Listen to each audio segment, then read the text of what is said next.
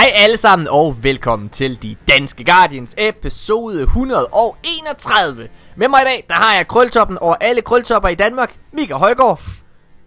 Hey Morten. Mika, du sidder i sådan en, en jeg, og jeg ved ikke om det er Skype, der gør det, men det ligner, du, det, du ligner et stort Dannebrogs flag.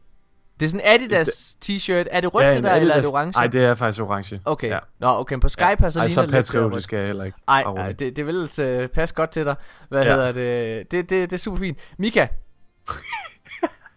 vi skal ikke bruge alt for meget tid i dag på at sidde Nej. og høre om, hey, hvordan er det gået, og bla bla bla bla. Så skal du ikke begynde at snakke om min t-shirt, mand. Det er jo derfor, jeg stopper mig selv, Mika. Jeg stopper mig selv.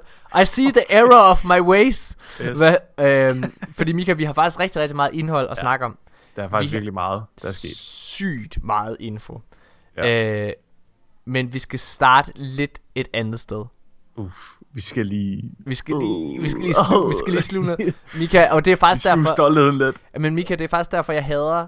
Og øh, vi, skal, vi skal sige undskyld for noget, fordi vi har taget ja. fuldstændig fejl omkring det. Ja. Øh, Men det, jeg har det godt... Altså, normalt, så har jeg meget svært ved at sige undskyld. Også fordi jeg, ja. jeg sådan... Du ved, man er stolt, og man har ikke lyst til det. Nej. Men den her gang, så er det simpelthen noget andet. Ja, det er jeg faktisk for... glad for det. Jeg er også virkelig glad for det her.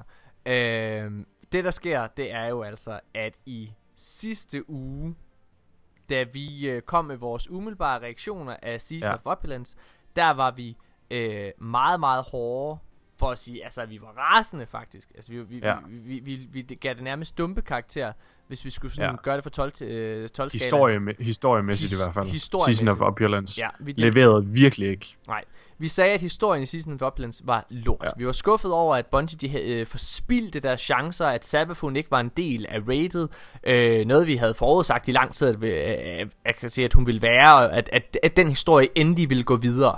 Ja. Øhm, og så roste vi ellers uh, Season of Uplands helt vildt for alt, der har noget med gameplay at gøre. Yes, lige præcis. Øhm, men Mika, ja. al den kritik, vi havde i forhold ja. til historien i Season of Opulence. Mm. Skal vi ikke lige prøve at starte? Hvad var det, kritikken kom jo. fra? Kritikken kom på, at øh, vi forventede, at Crown of Sorrow, som hedder Crown of Sorrow, det ville være en viderebygning af den historie, vi er i gang med med Savathun lige ja. nu. Sådan det, det, det store ark, der er i gang lige, lige nu med Savathun som antagonist, det havde vi forventet at ligesom få en eller anden form for forløsning på, eller en, en øh, viderefortælling. Ja. Og da vi spiller Crown of Sorrow, som altså hedder, ja, Crown of Sorrow, Sorrow er et hive-begreb, mm. så følte vi ikke, at der var noget som helst, der havde med Savathuns ark at gøre. Ej, vi havde jo set bossen også, hvad havde det, selvom ja. vi ikke havde gennemført rated, da vi havde, det var klart, at så havde vi set, det bare var sådan en stor fed kabal, ikke også? Altså, ja, vi var, ja, ja, vi var rasende, vi var rasende, og der altså, var, og, As... og det gav lidt sådan et uh, flashback til, til den gang, der var um, Black Armory. Wrath of the Machine. Nå ja. Øhm, og, og... Hvor, hvor et, uh, Bungie bare hæv en raid boss ud af røven. Yeah. Det var i hvert fald det, vi sammenlignede rigtig meget med. Ja. Men alle vores ord, alt vores kritik er simpelthen lort. Fordi at vi ja. fortjener faktisk et DDG was right. ja, det... øh, hvad hedder det? Det gør vi. Hvad hedder det? Vi. Vi, vi, har, vi havde faktisk, det viser sig faktisk, at vi havde ret i vores forudsigelser. Og jeg synes, at Bungie laver en fucking genistreg. Mika, jeg skrev til dig om torsdagen. Der skrev jeg, Holy motherfucking shit. We were wrong. Ja. Altså i forhold til vores we kritik. We were wrong, but we were right. Ja, ja. Hvad, jamen, vi, havde, vi, vi tog fejl i forhold til vores kritik. Vores kritik var simpelthen ikke berettiget. Og jeg vil faktisk sige, noget af det, de gør... Øh, vi skal nok komme ind på det, bare roligt. Hvad hedder det? Noget af det Bungie gør, det er, det er noget af den vildeste form for historiefortælling, fordi de slår, slem, de, de slår to fluer med et smæk. Ikke nok med, at de viderebygger karakter, øh, øh, karakteren øh, Callis, og fortæller os meget mere om, hvem han kommer fra, og hvad hans plan er, og, mm. og, og så videre, så bygger det også videre på Sabafun. Ja. Fordi, Mika, skal vi ikke prøve at fortælle om, hvad det er, der er sket? Det der, altså hvad er, fordi I har set den der Crown of Sorrow, den der hjelm, som den her store, ja. fede kabal har på. Ja. Den er nemlig fra Sabafun. Og når det er, at man har klaret rated, fordi vi har også bare så, øh, det skal være in-game fortælling, det skal ikke bare være i lore. Det er fucking in-game det her. Det er fucking in-game. Ja. Når det er, at du har klaret det fucking raid, så vil, så vil du lægge mærke til, at den her hjelm bliver slået fra. Og så kan du faktisk gå ind og kigge ind i hjelmen. Mm. Og inde i hjelmen, Mika, der er der nogle meget, meget øh, grønne runer, der, der, der er selvlysende. Ja. Hvor det er tydeligt, hvor at det er Hive. og det, er- altså, det er Hive-symboler, det her, ikke? Øh, Og det der- er ikke bare et hvilket som helst hype-symbol. Det er, det er Hive-symboler, som i den grad ligner øh, Kingsfall-symbolet, ja. Cro- øh, hvad hedder det, Oryx-symbol, men med et tweak. Altså, det her, det er Sabathons symbol. Ja. Ja. Og, det, og så kan man gå ind og læse om det her shit også. Og så er man slet ikke i tvivl om, det her det er Sabathon. Mika, vil du, eller skal jeg fortælle omkring, hvor den her hjelm kommer fra? Kan jeg ikke prøve at lægge lidt ud, så kan du stå til. Ja, tak. Det der sker, det er, at for lang, lang tid siden, så kaldes hans mål, det er ligesom at, øh, at erobre og plyndre og recruite en masse herrer eller en masse mennesker til hans, øh, til hans herre. Og han beordrer så simpelthen, at de skal angribe noget, der hedder en hive moon. Mm. Og den her hive moon, det er sådan en kæmpe fæstning. Efter at Callas og hans shadows, de ligesom har overtaget den her måne, Mm. så finder de i, i skattekammerne, eller hvad man skal sige på den her måne, så finder de et, et artefakt, et, et eller andet oldgammelt øh, redskab, og det viser simpelthen at være Crown of Sorrow. Må jeg bryde ind her? Her byder jeg lige ind. Kom med fordi, det. Fordi Callis, han er skeptisk, skeptisk Ja. han ser den her hjelm her. Lige med det samme, Lige med det samme. Callus, Det oh her, shit, det her det er, det er en, lidt for godt. det her det er en fucking fælde. Og spoiler alert, det er en fælde. Hvad hedder det? Fordi det er nemlig en hjelm, der er givet Ja. fra Sabathun, lagt fra Sabathun, med henblik på, at Callis skal have den på. Mm. Og øh, det, der er mega, mega spændende så, det er, at Callis, han er, han er ikke helt dum jo. Han, han kan godt se, at den her, det her, det er en fucking trap. It's a trap! Hvad hedder Han det? tror, han ikke er helt dum. Nej, men det er han. han er nemlig dum, fordi Sabafun er jo to skridt foran her. Ja. Hvad hedder det? Så Kalles, han vil, have, han vil ikke selv tage den på. Han vil ligesom, ligesom øh, mange kejser har sådan en mundskænk, at lige Ja. inden at man smager på maden, så, så får man en anden til lige at dobbelttjek. Yes. Øhm, og det han så gør, det er, at han, øh, ja, her får I lige noget ekstra lov, som jeg ikke vidste, Mika. I, øh, dem, der har spillet Rated Leviathan, de vil vide, at der er et encounter der i, der hedder The Baths, eller hvad fanden hedder det? Det badende. Royal Baths. The Royal Baths eller sådan noget, ja. Og øh, når øh, man er i det raid der, så står man ligesom på fire søjler, og så er der sådan en lille brønd, hvor der er sådan nogle cleavers, der, øh, der kravler op af, ikke også? Det der, det der faktisk viser sig, det er, at Kalles, han skaber de her cleavers. Ja. Så det vil sige, at når det er, at de kravler op af badene i Leviathan, og vi dræber dem, så har de her cleavers nået at leve i 3 sekunder af Ja. deres liv. Det, de er Så frem du nakker dem. så frem du nakker dem, ellers skal det godt være, det er dig, der har levet 3 sekunder, ikke? Hvad hedder det? Men, men øh, altså, det er, det er simpelthen, de bliver simpelthen skabt der. Ja. Det er bare Og- abortklinikken, der er i Royal Baths. Hvad hedder det? øh, Det der så er, det er, at, øh, at Kalles, han tager en af de her cleavers, og øh, omjusterer lidt i deres øh, Ja, de DNA. kan pille ved sådan, noget, så- sådan DNA'et og generne og sådan noget, og så laver han den sådan lidt som en hybrid hive, Ja. øh, Gowron her. Han laver Galvan, som vi kæmper mod.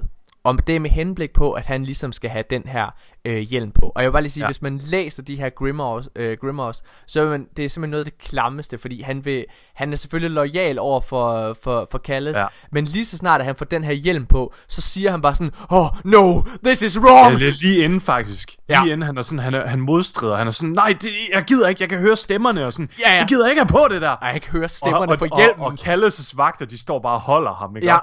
Og, så se, og man kan bare se det lige sig. De sætter hjelmen på, og lige som hjelmen kommer på, så bliver han bare stille. Zup. ja. Så er der simpelthen en anden, der har taget Ja. kontrollen Han er bare stoppet med at eksistere. han er stoppet med at eksistere. Der er simpelthen en anden, der har taget kontrollen over Galvan. Så det vil sige, at det der faktisk er, det er, at det er jo Sabafun, der styrer, det læser man også i loven, det er Sabafun, der styrer ja. Galvan. Så når vi kæmper mod Galvan, så kæmper vi faktisk mod, teknisk set, Sabafun. Ja. Altså, en form for bevidsthed fra Savathun. Og det er jo Sabafun, der prøver at finde ud af, hvor stærke er vi egentlig, hvis hun skulle kæmpe mod os. Altså, hvad, hvad, hvad er hendes Ja, odds? Altså, hvordan præcis. kæmper hun? Hun vil prøve at lære vores strategi, ja. inden at vi skal have vores endelige slag mod hende. Det er fucking sindssygt, det her, drenge ja. og piger. det er vanvittigt. Det er lidt ligesom, da Harry Potter, han kæmper mod, øh, hvad er det, slangen hedder, Nagini eller sådan Ja, noget. ja, ja, præcis. Øh, som, som ikke er Voldemort, men den er alligevel en del af hans sjæl, ikke? Fordi Ja. det, det, den tilhører ham lidt. Det er så sindssygt. Jeg var slet ikke klar på den der uh, Harry Potter. Nej, men den, den holder ret godt. den er skidegod. Ja. Den er skidegod, ja. Mika. Men det er fucking spændende. Øh, ja. Og generelt vil jeg bare lige sige, der, der er meget mere det med Callis. Det kommer vi til lige om et øjeblik. Ja. Øh, hvad hedder det? Men... Hvor, hvis, hvis man sidder og tænker, hvorfor var det Callis, han ville gøre det? Hvorfor, øh, hvorfor ville han risikere at lave en mand og risikere at blive infesteret af Hive? Så er det faktisk noget at gøre med Callis' filosofi, fordi Callis han vil have en af hver eneste race i universet. Der ja. vil han have en af dem, som bliver hans shadow. Ja. Der er vi så blevet det som Guardian, ikke? og nu er vi hans shadow. Mm. Øhm, og det er altså han hans mægtigste kriger. Og Hive, det har faktisk vist sig at være den eneste race, han ikke har kunne tæmme, og, og ligesom få en shadow ud af, fordi de, de, de, de har ikke nogen bevidsthed. De er jo, de er jo en hive, ikke? Og derfor så vil han altså have en, der havde den her hjelm i håbet om, at Galran, han ville kunne styre øh, en hive til at blive hans shadow. Men, men det vidner alligevel også, altså hele det her, den her historie med, med Callas, og jeg elsker det, fordi at for første gang, så yes. begynder jeg at få en, jeg begynder at få en fornemmelse om, hvem Callas er, ikke? Og ja. Callas, han lider jo af hovmod. Han er så arrogant. Han tror, han er, han er den klogeste og smarteste ja. i hele verden, og han taber jo. Altså, han, prøv at høre, han sidder jo ikke andet, hans, hans, øh, hans kæmpe skib her, bliver øh, først boret af, hvad hedder ja. det, af, af Vex, ikke også, der begynder at være et øh, problem for ham, vi går ind og hjælper ham der. Så kommer ja de her gamle kabal, nogen der i Spire of Stars, der prøver at smadre ham, øh, som han øh, ikke er klar på. Altså hvis vi ikke havde været der til at hjælpe ham, så var han jo færdig. Hvad ja, ja. det? Og så, øh, og så kommer Sabafun her, øh, og prøver at smadre ham. Og det er ja. så interessant, at Sabafun også er interesseret i at styre Callis. Altså hun er også ved at udvide hele hendes... Altså for, prøv at ja. Sabafun er the fucking shit. Okay? Ja, altså Men, hun er bygget så sindssygt meget op nu. Jeg, jeg er bange for, når vi kommer til at møde hende. Ja. Fordi hvis Bungie ikke leverer, så bliver jeg så skuffet. Jeg tror, de leverer. Og jeg er faktisk også... Ja. Øh, okay, det, det, det kommer vi lige til, øh, hvad hedder det senere. Men jeg vil gerne snakke noget omkring Shadowkeep. En anden, en anden øh, ny holdning, jeg har fået mig omkring mm. Shadowkeep. Ja, skal vi tage det senere? Det, det tager vi senere. Lad os gå lidt videre omkring det her, fordi noget af det, der er interessant... Jeg faldt jo Mika, altså, øh, der, nu er der blevet lavet lore-videoer øh, fra ja. både Myland Games og, øh, hvad hedder det, My Name is Bife, omkring det her, øh, som vi lige har snakket om. Ja, Crown of Sorrow. Crown of Sorrow, det kan jeg helt klart anbefale. Jeg synes faktisk, at My Name is Bifes særligt er rigtig god. Øh, men, Mika, øh, jeg faldt jo, altså helt grund, øh, jeg, inden de her videoer lavet, så, så havde jeg, jeg havde fortalt omkring de her ting. Mm. Og nu er jeg gået tilbage og har fundet det her, øh, et, et, hvad kan man sige, det her lore-kartotek her, som er det, jeg, øh, hvad hedder det, ligesom det, det er faktisk en Reddit-thread, som ikke har fået særlig meget opmærksomhed af en eller anden grund. Øh, ja. Hvad hedder det, øh, men det er jo den her, jeg ligesom faldt over. Så alt det, det har I måske, eller sikkert hørt om, det vi lige har fortalt. Nu skal vi til at fortælle om noget, som I med 120.000% sikkerhed ikke har hørt om. Og det er nemlig, at kaldes Altså det her, det er Lords kaldes, ikke? Og det her, det øh, har rigtig, rigtig meget med Crown of Sorrow også at gøre. Men det er simpelthen, at Kalles, han har fået sin egen, eller har skabt sin egen bibel. Okay? Den hedder... Det er sygt. Den hedder The Chronicon. Og det er fucking sindssygt, ikke? Hele den her bibel, den er bygget op omkring forudsigelser fra hans science. Altså ja. de her science, de har sådan nogle, øh, ikke telepatiske, altså sådan noget ligesom en spokkone, sp- ja. sådan spokkone-kræfter, hvor de kan ja. se ud i fremtiden, ikke? Måske du er en science faktisk, Morten. du er sådan lidt en spokkælling også. ah! Hvad hedder det? Men, men det, der er mega, mega interessant for det her, det er, at Kalles har, altså de her science, de har allerede set rigtig, rigtig mange af de ting, vi har oplevet. Ja. Så lad os prøve at snakke omkring nogle af de ting, de har set, der kommer til at ske. Og det er blandt andet... Til synladende. Til syn, altså, en altså- forudsigelse er jo, altså, det er jo op ja. til fortolkning. Uh, igen, ja. kig på Star Wars, hvad hedder det, hvor det er, at man tror, at Anakin, han er, hvad hedder det, uh, hvad kan man sige, er, er galaksens uh, eneste håb. Uh, og, og det er han uh, teknisk set stadigvæk. Ja. Teknisk, teknisk set, set ja. teknisk set. Men det er det der med, der er jo altid nogle minder. Ja, øhm, der er nogle nuancer. Der er nogle nuancer, ikke? Men de her sciencer, de forudser os, og hold nu fast, de forudser os dræbe Mara Sof. De forudser os, øh, eller de forudser, at Petra og Mifrax bliver en del af vores fireteam. Mithrax, for dem der ikke er helt up to date, det er altså den her Fallen Captain, som vi Ja, det nogle var ham fra Zero Hour. Ham fra ham Zero der aidede os der. Yes, og han var med i, øh, i, i helt tilbage i starten af D2, var han med i, i et adventure, øh, og så videre. Han er den her Fallen Captain. Øh, de forudser, at Petra og Mithrax bliver en del af vores fireteam, og at, øh, hvad hedder det, Elixni og Awoken får valget mellem enten at øh, knæle for os, eller dø. øh, Jeg kan slet heller ikke. Jeg kan heller ikke vente på den storyline, der kommer, engang kommer til at være omkring Elixni og deres redemption story. De forudser, at vi reclaimer Drifterens isplanet fra Lorne, Ja. og opdager en ny fjende af mørket. Altså den her femte race. De forudser, at vi destruerer Raspu- øh, Rasputin, og for, hvad hedder det, øh, og, og, og, begynder at styre Vanguard. Øh, altså for Vanguard til at gøre præcis, hvad vi vil. Øh, full to our will. Mm. Han forudser, at vi øh, dræber og til gør Sabafun. Og det er også derfor, han ikke er bange for Sabafun, fordi han har forudset i hans bibel, Mm. at vi dræber Sabafun. Savathun er ikke den endelige trussel Nej, overhovedet. i, fordi han har jo set hele Kalles' øh, hvad kan man sige, Ja. øh, ting, det er jo, han har set, igennem hans science, så har han set verdens ende. Og han Ja. vil have, at de Nej, stærkeste... det var ikke der. Det var ikke gennem hans science. Undskyld, Igennem, han, han så verdens ende, fordi han engang havde et møde med, med tilsyneladende The Darkness, hvor Ja. han blev reborn i gåsøjne, eller man skal sige. Det er rigtigt. På samme måde, som vi blev reborn af The Light. Ja, du har helt ret. Øh, hvad hedder det? Men han, men han, hvad hedder det, har jo ligesom set verdens ende, og, øhm, og han vil ligesom have, at de stærkeste i universet står ved hans side og ser mm. verden gå under. Det er faktisk det, er det han vil. Øhm, så han, øh, øh, Han bare sidde med et glas vin, læne tilbage, og så bare se alt gå under. altså Callas han er på en måde ved at lave en form for Noahs ark. Ja, Altså det, det, er faktisk et virkelig godt billede. Altså det er, det, det er lidt det han er Han tager en fra hver enkelt race Ja. øh, Som han ligesom har Som hans shadow for den øh, faktion Ja. ja. Eller hvad man kan kalde det øhm, Og de må ligesom få en plads ved hans side Når der er at verden til allersidst går under Anyways Han forudser Eller hans science forudser At vi destruerer Sabafun At vi tager tilbage til hendes trone Til hendes mm. rige og, øh, og dræber hende Øhm, og alt det her, det er selvfølgelig op til øh, fortolkning. Men det er altså, det, det er simpelthen, hvad der bliver beskrevet i de her Grimmar cards, som jeg i den grad kan anbefale øh, at, at læse om. Altså, der er, der er meget mere. Der er også, øh, han snakker med, hvad hedder det, Eris Morn og øh, Aldrin, alle mulige ting. Toland og så videre. Hele Multiausen. Han er ude at spørge alle, øh, for at finde ud af, om de er mægtige nok til at være øh, en del af det. Øh, det er virkelig, virkelig vildt spændende, og jeg lover, at det her, det skal vi nok dykke mere ned i. Det vil jeg rigtig gerne have, Nikolaj, han er med i. Øh, så når Ja. han er færdig med hans Skal eksamens... deep dive. Vi skal have deep dive. Så Nico, når Nikolaj han er færdig med, øh, med hans eksamensræs her, så, øh, så bliver han simpelthen sat på opgaven og dykke ned i det her. Øh, ja, for det er fucking spændende. Ja.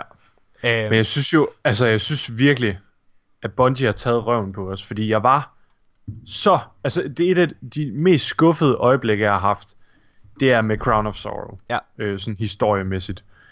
Øhm, og man må bare sige, Bungie de formår virkelig at vende det skib 180 grader, tage røven på os og fortælle en fantastisk historie. Ikke bare om øh, Savathun, men også, også at bygge Callis' karakter op. Og det synes jeg er så godt gået. Jeg, altså, jeg tager virkelig hatten af for dem. De har Ja. gjort det igen.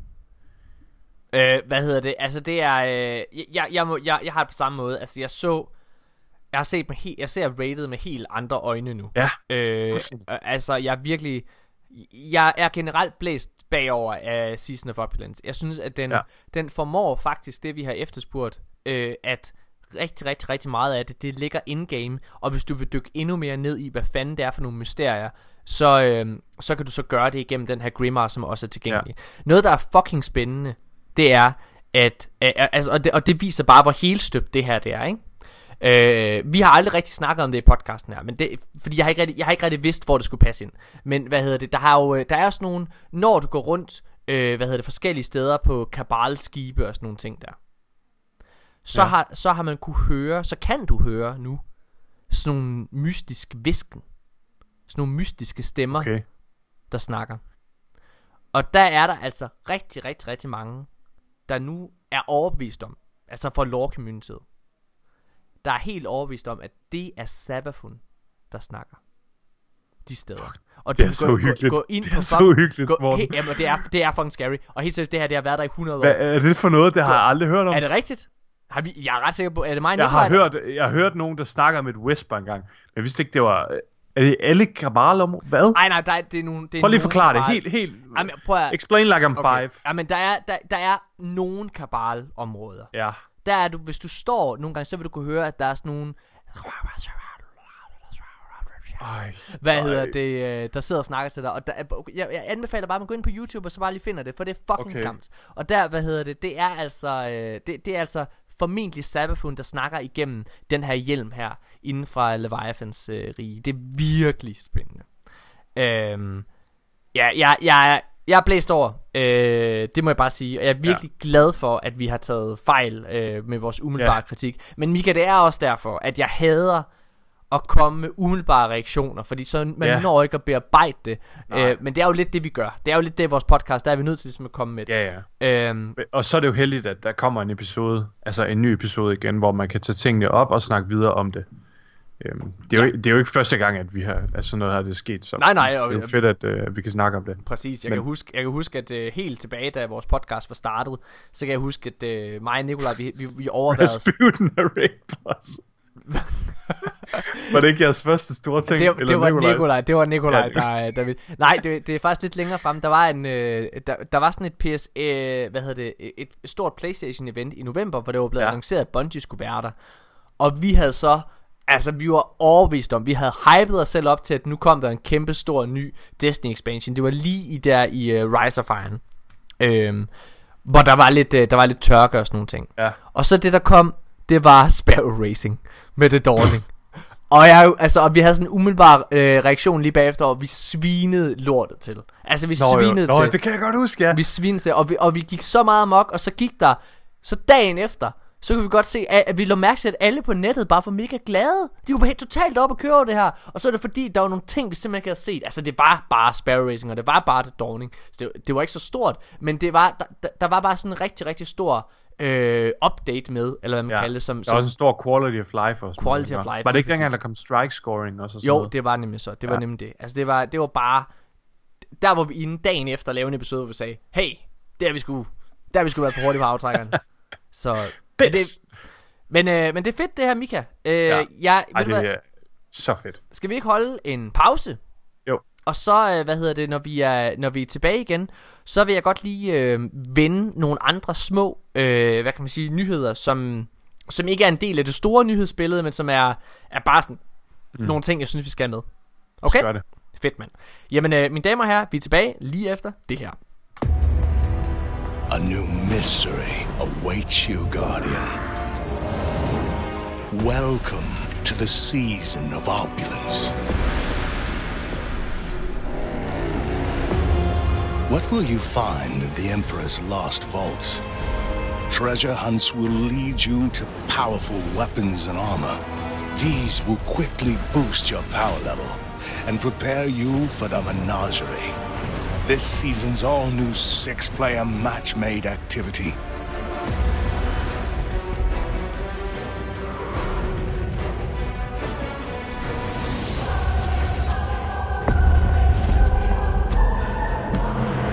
Grow strong, Guardian. Prove your worth.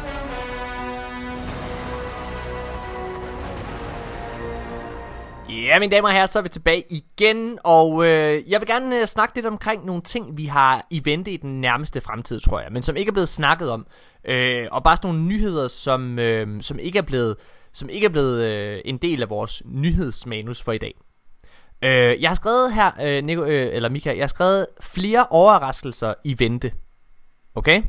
Ja. Og, øh, og det jeg mener med det, det er, at øh, ud fra alt det PR-materiale, vi har set so far for Season of Opulence, øh, og, og, og så videre, så ved vi, at der er meget mere til den her sæson, end allerede afsløret.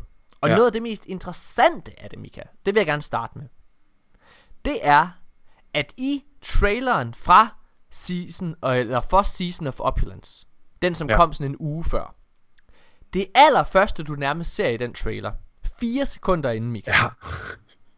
det er Hidden in plain sight. Det er hele, eller i hvert fald et område fra Leviathan, som er as i Ascendant Realm. Ja. Altså, Hvorfor er det det? det er fandme Og spændende. hvorfor har vi ikke været der? og det er fandme spændende at se, hvornår det kommer. Altså, jeg, jeg er spændt på, om Ja. det er en del af Heroic-versionen af Menagerie. Om det, Ja. er, øh, om det er en dungeon, eller om det er den her tredje boss, der kommer på tirsdag øh, Mm. i Menagerie. Øhm, ja, det ved jeg simpelthen ikke, hvad det er. Jeg, jeg, ved Nej. ikke, jeg, jeg ved ikke, hvad det er, men det Man kan kommer. jo spekulere alt, hvad man vil. Man kan ikke rigtig sætte en finger på, hvor hvor det lige skal høre til. Men det er i hvert fald helt sikkert på The Leviathan. Det har alt den der barok barokiske Du kan se arkitektur, kaldes- eller hvad man du kan kalder se det. Ja, det kaldes på, ja. Ja. Det er der. Øhm, så det er virkelig spændende at se, i hvilken sammenhæng vi, vi kommer til at, at, at, at se det, og hvornår vi gør det. Fordi der er jo altså nogle, så, øh, nogle, nogle måneder til, at øh, det bliver september. Ja. Ja, der er stadigvæk Øhm. god tid. Og man kan jo sige med, øh, med, med Drifterens øh, sæson, der var der jo ingen, der havde regnet med, at to uger inden, så ville Zero Hour komme. Nej, lige præcis. Så, altså, øh, hvis jeg var Bungie, så ville jeg også sidde med et kæmpe S i ærmet lige op til Shadowkeep, Ja. som får folk på de der to uger inden, Og så måske... og er pissehugt. Øh, ja, og lad os nu se, om Sabafun måske er en del af Shadowkeep. Ja. Ja. Øhm, det, det er jo spændende. Øh, noget, øh, noget, der heller ikke er blevet en del af, af, af sæsonen endnu, det er, man kan se i den der Season of Uplands trailer også, der kan man se nogle områder på EDC, hvor mm. der er nogle sten, der sådan svæver ude i baggrunden. Øh, det, inden at Season of Opulence gik live, så blev der spekuleret rigtig, rigtig meget i, hvor fanden det var. Øhm, Ja. det, Det, ligner, det ligner lidt området, man starter i, og Ja. så alligevel ikke. Nej. Jeg ved, jeg ved det simpelthen ikke, men det er i hvert fald det er noget, der kommer. Altså det, det er bare, der, det er tydeligt, at der er mere content. Mm. Øhm, Ja, helt sikkert. Så det er nice. Okay. Så en anden nyhed, som øh, jeg hurtigt vil vende, Mika. Det er, at øh, på tirsdag, så vender Iron Banner tilbage for første gang i Season of Opulence. Ja. Og det vil sige, Morten, og det glæder jeg mig rigtig meget til. det skal jeg spille. Jeg skal fucking spille men jeg skal spille det af den nyhed, som jeg bliver nødt til at smide. Det er, at folk har været sådan lidt skuffede lige da de så gearet til at starte med, fordi de sad og tænkte, hvad, det skulle da bare Year One, øh, helt vanilla Year One armor, der er der. Exactly! Exactly, ja. Men det, der er allermest interessant, det er jo så, at ja, du kan få det gearsæt nu til, hvad kan man sige, til Year 2, øh, med Year 2 opdatering, altså med det her nye perk system, og mm. nye, nye stats, og, og alle de her Og ting. mods og så videre. Men allervigtigst, når du får det her gearsæt, så vil, hvis du gennem hele Year 1 fik unlocket nogle ornaments, så er alle de ornaments unlocket fra starten af. Det vil sige, at du får faktisk tre forskellige sæt, hvis du I har en. alle ornaments. i Det er en. så fedt. Det er fucking nice. Mika, jeg glæder mig så meget til at grinde det. Ja. Jeg, vil, jeg glæder mig virkelig til at spille Iron Banner, og hvis jeg lige skal komme med en endnu bedre grund, hvis man er vildt øh, into sådan noget min-max eller sådan noget i Destiny, så er det altså, at gearet, det kan roll med enhanced perks nu. ja, det er rigtigt. Det er fa- super fedt. det er faktisk- Og det, det, det gør, at man har lyst til at grinde det og, og, og hænge i den der playlist, hvis man vil have noget gear, som øh, er lige en tand bedre end ens andet gear. Fordi den eneste måde, du normalt kan få enhance på, det er jo i øh, Dreaming City og så i øh, Raids. Så det er ret Hvor- nice, at der kommer et intensive, incentive for PvP-spillere til at kan grind enhance perks. Jeg er, altså jeg er totalt på. Jeg, jeg glæder mig så meget til at spille det. Ja. Øh, Mika, en anden lille nyhed, som, øh, jeg, ja, som ikke er så lille, men, men, men alligevel ikke stor nok til at få sit eget segment. Øh, hvad hedder det? Hvis du køber, når vi kommer til Shadowkeep, og så fremad, mm. så kan du jo købe, øh, hvad hedder det, seasons separat. Altså de, de enkelte sæsoner kan du købe for sig selv. Og hvis du køber en sæson for sig selv, så har Bungie sagt, at det vil koste omkring 10 dollars Altså per sæson. per sæson. Ja. Hvor, hvor meget er det? Nu sidder jeg lige og prøver at finde Det er vel en 70 kroner cirka. Hvad ligger dollaren i? Er det ikke sådan et sted mellem 6,5 og 7? Det er muligt. Nu går jeg ind her, Mika Højgaard. Jeg går ind her og Det, kigger. det er jo bare gange det op med 10. Så det må være um, et sted mellem 60 og 75. 66 kroner.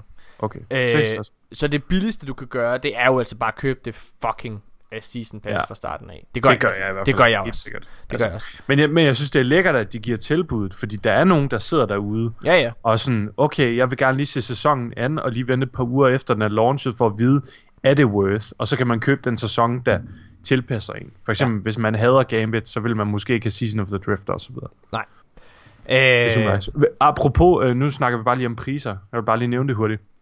Shadowkeep, det kommer til at koste 35 dollars. Rise of Iron, det kostede 30 dollars.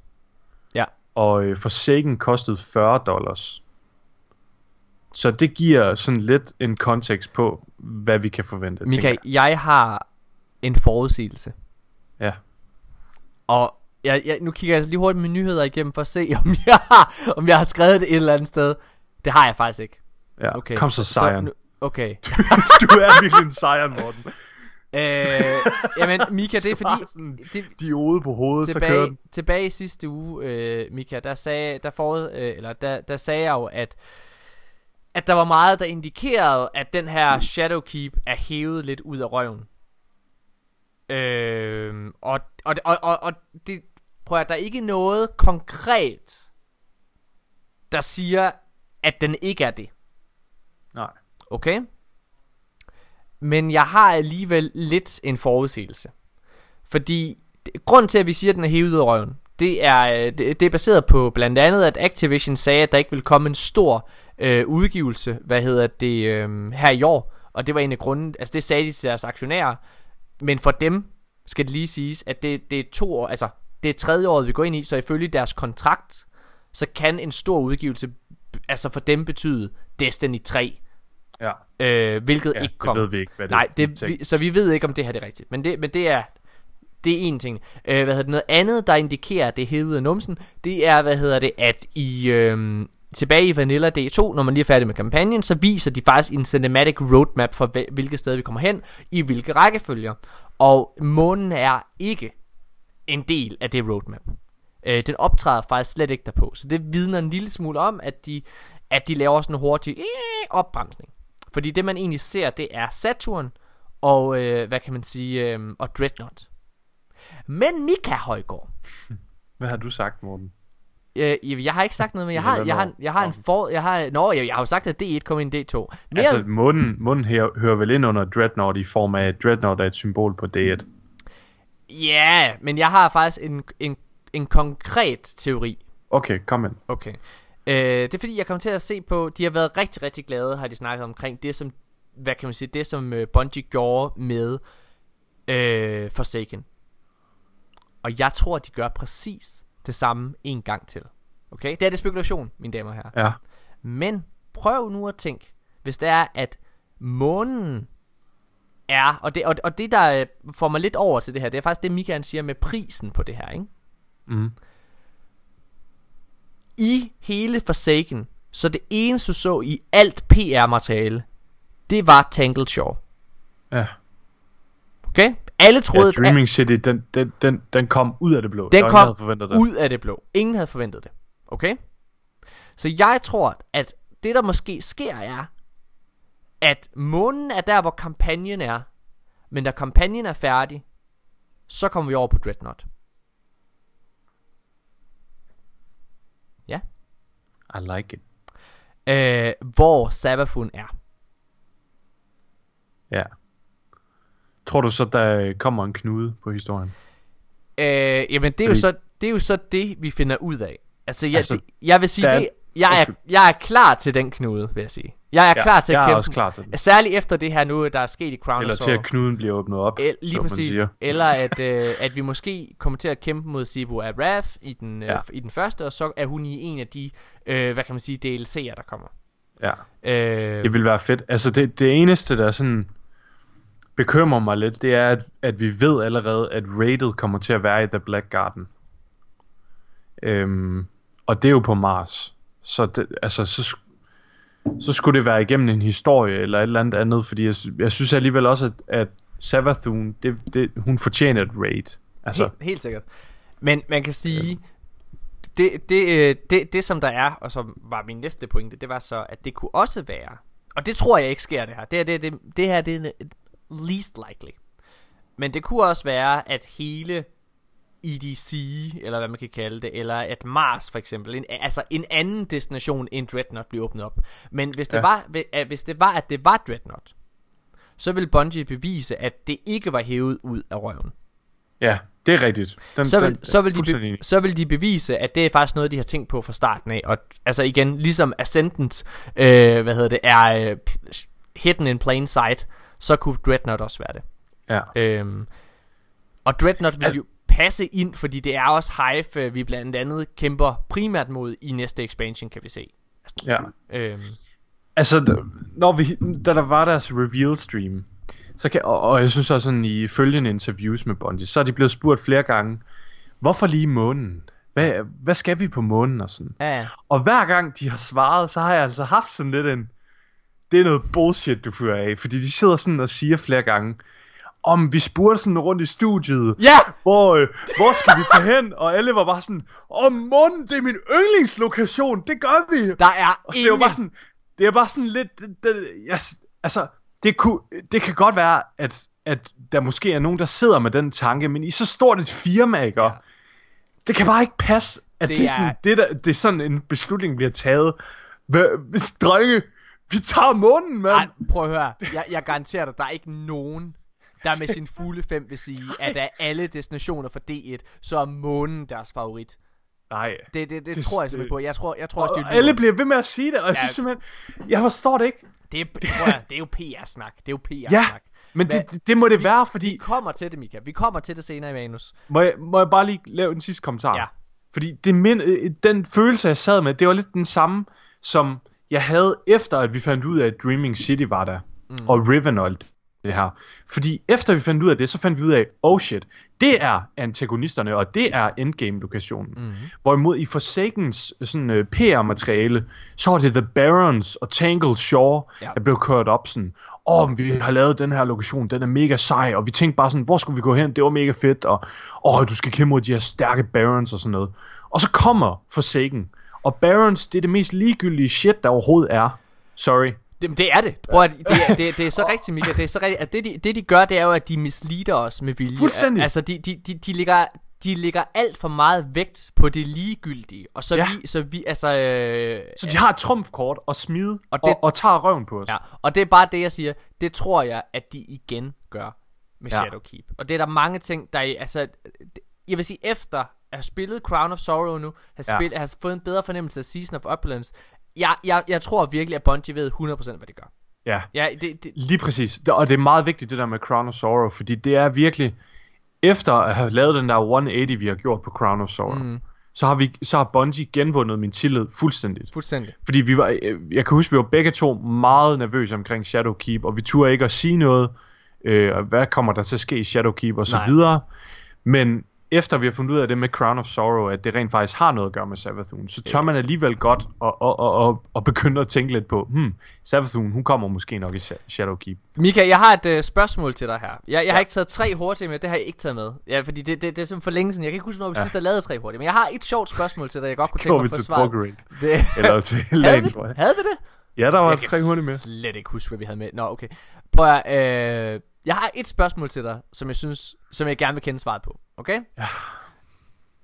Mika, hvis du skulle slette en af dine tre karakterer, oh. og det betyder, at du aldrig nogensinde vil kunne spille den klasse igen, Shit. hvilken skulle det så være? Og Mika, hvis du, du sidder, mig hvis ja. du sidder og tænker, åh, men så sletter jeg da bare den ene karakter, jeg har på PC. Next, det tæller ikke. Det skal nej, være på din Playstation. Det skal være en Guardian. Det skal ja. være en... Altså ja. en, en Guardian class. Ja. Hvor du sidder jo og, og, vender communityet mod mig. For der kommer til at sidde nogen derude og have mig, og så lader du bare være med at svare bagefter. Nej, nej, jeg skal nok svare også. Okay. mm. det, du kommer aldrig til at spille den klasse igen. Nej, aldrig nogensinde. Nej. Mm, altså, jeg vil 100p beholde min Hunter. Det er min main. Det er den, jeg spiller alt content først på, og det er den fedeste klasse, synes jeg. Øhm, så er det jo mellem Warlock og Titan. Ja. Og jeg må sige her på det seneste, eller siden Season of Opulence, så er jeg begyndt at spille på min Warlock igen. og jeg synes, altså Warlock er ret nice. Det har givet mig den der følelse tilbage af Space Magic igen. Mm. Og den kan man den er der også på Hunter, men nogle gange så er det bare sådan lidt, fyr din Golden Gun, brug nogle equipment og sådan noget. Men Warlock, der har du freaking Nova Bomb og Space Magic og Arc Beam og alt det der. Så, I Så jeg tror, her? I jeg tror altså, jeg vil blive nødt til at slæbe min Titan. Også fordi, sorry, men Titans, de er lidt useless. Ej, det er jeg slet ikke enig med dig i. Det er de. Hvad Ej, kan en Titan, som en, en Prøv at Warlock eller Hunter ikke kan? Shoulder charge er mega værdifuldt, og det er super godt til at clear Men det er den os. eneste, den har. Ej, nej, nej, nej. Men Jo, kan... så sig mere. Så kom med mere. Hvad? Jeg vil hellere have en... Okay, hvis du er i et raid, Ja. hvad vil du så helst have? En Titan, der løber op og shoulder charge bossen, eller en Warlock, der smider sin rift? Jamen, jeg, jamen, jeg er jo main warlock, så du... Altså, hvad er det for et spørgsmål? Ja, Men du kan jo spørge mig, du kan spørge mig om, hvem jeg helst vil Ej, slæbe nu har jeg også... Nu hader jeg Altså, Titans bare. mi- mi- Sorry. I hørte det her, Mika hader Titans. Ja, jeg er racist mod Titan. Jamen, du er en racist. Øh, okay, Mika, jeg synes, det er et fucking svært spørgsmål, for jeg har jo ikke lyst til ikke at komme til at spille nogen igen. Nej. Men hvis jeg skulle vælge, så, så vil jeg gå derhen. Altså, jeg er ma- main warlock, og jeg vil bare lige sige, at det bedste, jeg nogensinde har gjort i Destiny, det var, at jeg med Forsaken stoppede med at spille alle tre karakterer. Ja. Altså, jeg spiller kun Warlock. Jeg, det betyder ikke, at jeg er begyndt at spille mindre Destiny. Tværtimod, jeg spiller bare kun Warlock, og det gør bare, at jeg har en Bare 100% dedikeret til en. 100% dedikeret. Det gør virkelig, at det er en fed oplevelse. Det er jo også derfor, at valget, Nikolaj gør jo præcis det samme. Og det er jo derfor, ja. Ja. valget var så svært, da vi havde Allegiance Quest for os. Ja, ja. Fordi vi var fucked. Hvad hedder det? men, men, Så du sletter ikke din Warlock? jeg sletter ikke min Warlock. Men jeg bliver jo nødt til ligesom at kigge på, hvis det så var, at jeg skulle have en anden, så vil jeg, så vil jeg kigge på, hvem er du bedst på? Og, Hvem, hvilken en har Morten en KD over 0,5 på? det er faktisk det, Morten sidder og spørger sig selv om. og der vil det selvfølgelig være på Hunteren. Så Titan, burn in fucking hell, you ass fuck.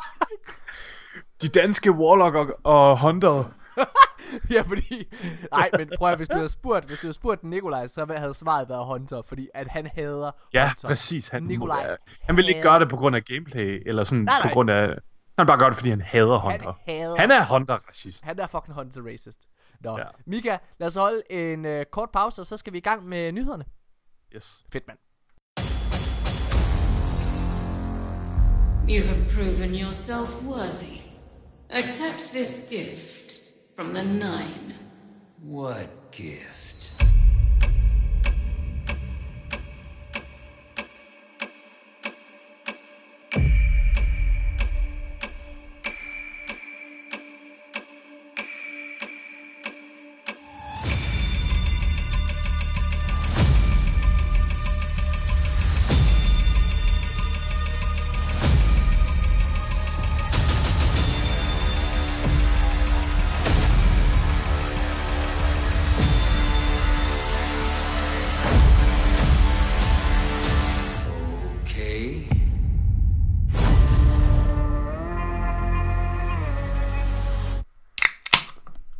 Så er vi i gang, ass fucks! Morten han åbner sin energidrik i pausen, og så siger han, nej, du skal gøre det live, mand, det er endnu federe. Så siger han, Nå, okay, så drikker jeg bare to. Så der var lige nummer to, der blev. Ja. det var der. Hvad hedder det, Mika? Øh, vi skal i gang med, og det jeg drikker, det er selvfølgelig Kult Energy, som er min foretrukne energidrik. Øh, Men det er også fint, du får noget, Morten, for vi skal jo ind og spille Crown of Sorrow efter. Vi skal nemlig det- spille Crown of Sorrow. Øh, skal vi lige hurtigt bare øh, bruge 10 sekunder på at sige, øh, på at give Crown of Sorrow en karakter. Nu har vi jo fået det gameplay. Du klaret det to gange. Øh, og husk lige, hvis man sidder derude, fordi det er nok den mest, den mest værdifulde hjælp, vi nogensinde har fået, da vi så spillet det. Dit gamle class item fra Leviathan, dit gamle gear fra Leviathan, Ja. det virker og har deres raid fordele derinde. Så tag. Ja. dit class item på, så du får ekstra damage på din subclass. Yes. Det er super underligt. Vi var ikke klar over det. Tak Det er til Mace. Tak til Mads.dk. Øh, det var fucking fedt. Hold kæft, man, hvor er det meget ekstra skade, man gør. Vi smeltede ham. Ja. Mika, på en skala fra 1 til 10, hvad vil du give det her raid? Ej, Vi har aldrig rated raids før. Har vi Jo, det? vi har da lavet, altså vi har da Har vi det? ej, vi, men vi har rangeret. Vi har lavet en rangering. Okay, men skal vi så ikke... Ej, nej, nej, har- nej, nej, det venter vi på Nikolaj med. Det der. Okay. Hvad hedder det? øh, Fair nok. Men vi giver det en karakter. Jeg vil gerne give det en karakter først, hvis Ja, det du svært. ligger for dig. ud. Okay, fra 1 til 10. Der vil jeg give Crown of Sorrow en 8. Jeg synes, det er rigtig godt. Som i, jeg synes, det er Så det er, faktisk, det er faktisk det tredje bedste raid for dig, Ja, Hvem siger det? potentielt. Hvorfor? Okay, okay, jeg tænkte bare... Nej, det er ikke, Ja. det er ikke det tredje bedste rate for mig. Ej, okay. Men, jeg, men, jeg, men jeg synes, det er rigtig, rigtig, rigtig godt. Ja. Øh, jeg synes blandt andet, at stemningen, atmosfæren derinde, jeg synes, Leviathan har aldrig været federe. Hele, Nej. og, og prøv at, når, når du ved det her med Sabafun, at det er hende, der styrer det, ikke også? Det hele går op i en højere enhed, når du lægger mærke til farvetemaet, som er Kings Fall farvenuancerne. Når du er inde i Kings Fall, øh, Oryx rated der, så er det præcis det samme farvetema. Ja. Altså, historien gør rigtig meget. Det hiver det, det, det hæver det betydeligt op for mig. Jeg tror, ellers havde det virkelig ikke fået en særlig god score. Øhm, jeg synes, Raid er rigtig sjovt, men jeg synes, Raids, noget af det vigtigste, de skal gøre, det er at formidle en historie også. Og det må man sige, Crown of Sorrow gør. Jeg tror, jeg, vil, jeg tror, jeg vil give det en 7'er. Ja. Jeg, jeg vil give det 7. Ja. ja. Hvad, hvad vil du give øh, på en skala for det? Hvad synes du er bedst umiddelbart? Scorch of the Past eller Crown of Sorrow? Crown of Sorrow. Se, der er jeg jo virkelig lige... Det kan jeg ikke helt finde ud af. Nej. Altså, jeg synes... Men det er fordi... Scorch of the Past har ingen historie. Nej, Men, men mekanisk er det et af de mest imponerende raids, jeg synes, der er er blevet så flot. lavet. Synes, den er Ja. så flot. Altså, den er virkelig flot og mega... Altså, et sindssygt startområde og et sindssygt boss encounter med en boss, der går rundt. Det er sådan en kæmpe robot. Det er jo sygt fedt. Det er Øh, nice. Men historien er der ikke. De hiver det bare ned for mig. Men jeg skal lige, jeg skal lige, så, jeg skal lige øh, så nu over den. Hvad hedder det? Jeg glæder Ja. mig til at spille det her igen her lige om lidt. Jeg elsker Vi skal have lavet... Okay, prøv at- Scorch med på vores liste? Ja, ja, det er den. Men prøv at, jeg bliver Ja. nødt til lige at sige, hvorfor det er, at øh, Crown Sorrow altså er op på en, en høj 8 også for mig. Ja. Det er altså fordi, jeg, et er, jeg synes rated er fedt, jeg synes bosskampen er fed. Jeg synes, den er mega nice. Jeg synes, at noget af det, et raid skal have, og noget som rigtig mange raids, også for D1, har manglet, er fede våben, og allervigtigst, fedt gear. Og det har fucking Crown of Sorrow fandme. Ja. Holy Ja, det har virkelig nice gear. shit, guys. Nå, Mika, Ja. vi, øh, vi sad og øh, gennemgik nogle rygter for noget tid siden. Øh, jeg kan faktisk ikke huske, om de var med i podcasten. Men i hvert fald, så, var, øh, så har vi snakket rigtig meget om cross-save. Ja.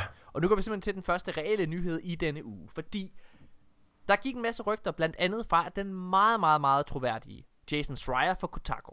Mm. Og han sagde, at Han er en sejren. Han kan forudse alt. han, ej, han, han opsøger alt. Han er Sherlock Holmes. Ja. Hvad Han hedder er, det? okay. Han vil, hvad hedder det? Han sagde, at PlayStation ikke ville have cross-save. Men det viste Ja. de sig jo så at have alligevel.